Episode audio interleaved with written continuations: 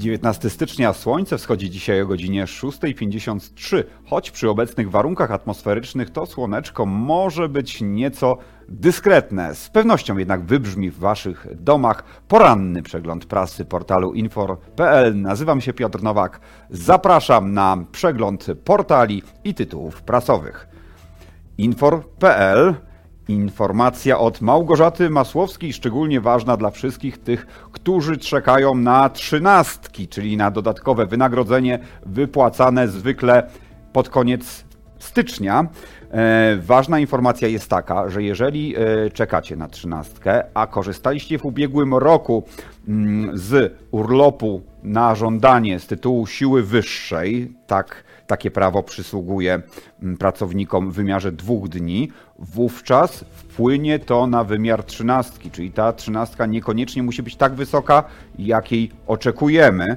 Mm, więcej o tym w tekście Małgorzaty Masłowskiej, to jest portal infor.pl, tekst trzynastka. Korzystałeś w 2023 roku ze zwolnienia z powodu siły wyższej. Sprawdź, czy w 2024 wpłynie to na wysokość trzynastki. Polecam, jest to znakomita publikacja, bardzo rozlegle y, ten temat jest y, opisany.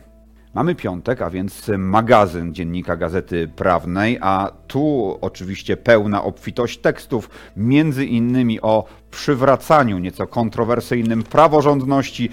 Wywiad e, z konstytucjonalistą Ryszardem Piotrowskim, ale w mojej ocenie najlepszym tekstem tego numeru jest wywiad Anny Wittenberg z Wojciechem Klickim. Wojciech Klicki jest to specjalista do spraw monitoringu procesu legislacyjnego Fundacji Panoptykon, zajmującej się przeciwdziałaniem nielegalnej inwigilacji i naruszeniom prywatności.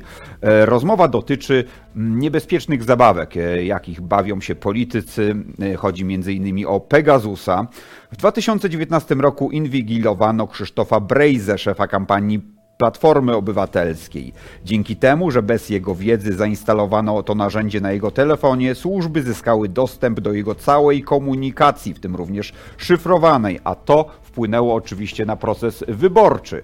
Dalej Wojciech Klicki mówi również, że jeżeli nie ukrócimy tego typu praktyki, a więc nie rozliczymy ludzi odpowiedzialnych za Pegasusa, nie mamy pewności, czy w następnej kampanii wyborczej również to narzędzie nie zostanie użyte. To dzisiejszy magazyn na weekend, dziennik Gazeta Prawna. Mieszkania pełne dłużników to tytuł mm, w pulsie biznesu. Rosnące koszty utrzymania nakręcają spiralę zaległości. Okazuje się, że jedna trzecia Polaków e, przyznaje, że w 2023 roku przynajmniej raz spóźniła się z opłaceniem któregoś z rachunku, a uwaga, co dziesiąty Polak nie zapłacił rachunku za mieszkanie.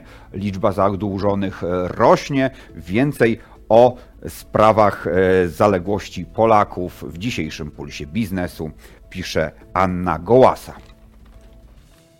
O co gra piłkarska Afryka? To piątkowe wydanie mm, dodatku plus minus do Rzeczpospolitej, a tutaj mamy taki ciekawy rys trochę sportowy, trochę polityczny, w tle kolonializm. Dlaczego na stadionach podczas Pucharu Narodów Afryki, czyli takiego czempionatu kontynentalnego e, czarnego lądu, jednocześnie pali się francuskie flagi, a także kibicuje się piłkarzom, którzy grają we francuskich e, klubach. Często ci sami kibice, którzy palą te francuskie flagi, są też kibicami klubów z nad Loary i Sekwany. O tych sprzecznościach Pucharu Narodu Afryki w dzisiejszym dodatku plus minus bardzo fajny tekst Bartosza Nosala. Swój dodatek ma również dzisiaj mm, Gazeta Wyborcza, dodatek Wolna Sobota, mimo że mamy piątek. Mm, a tutaj fajny pejzaż ukazujący, jak zmieniają się zwyczaje podczas kolendy.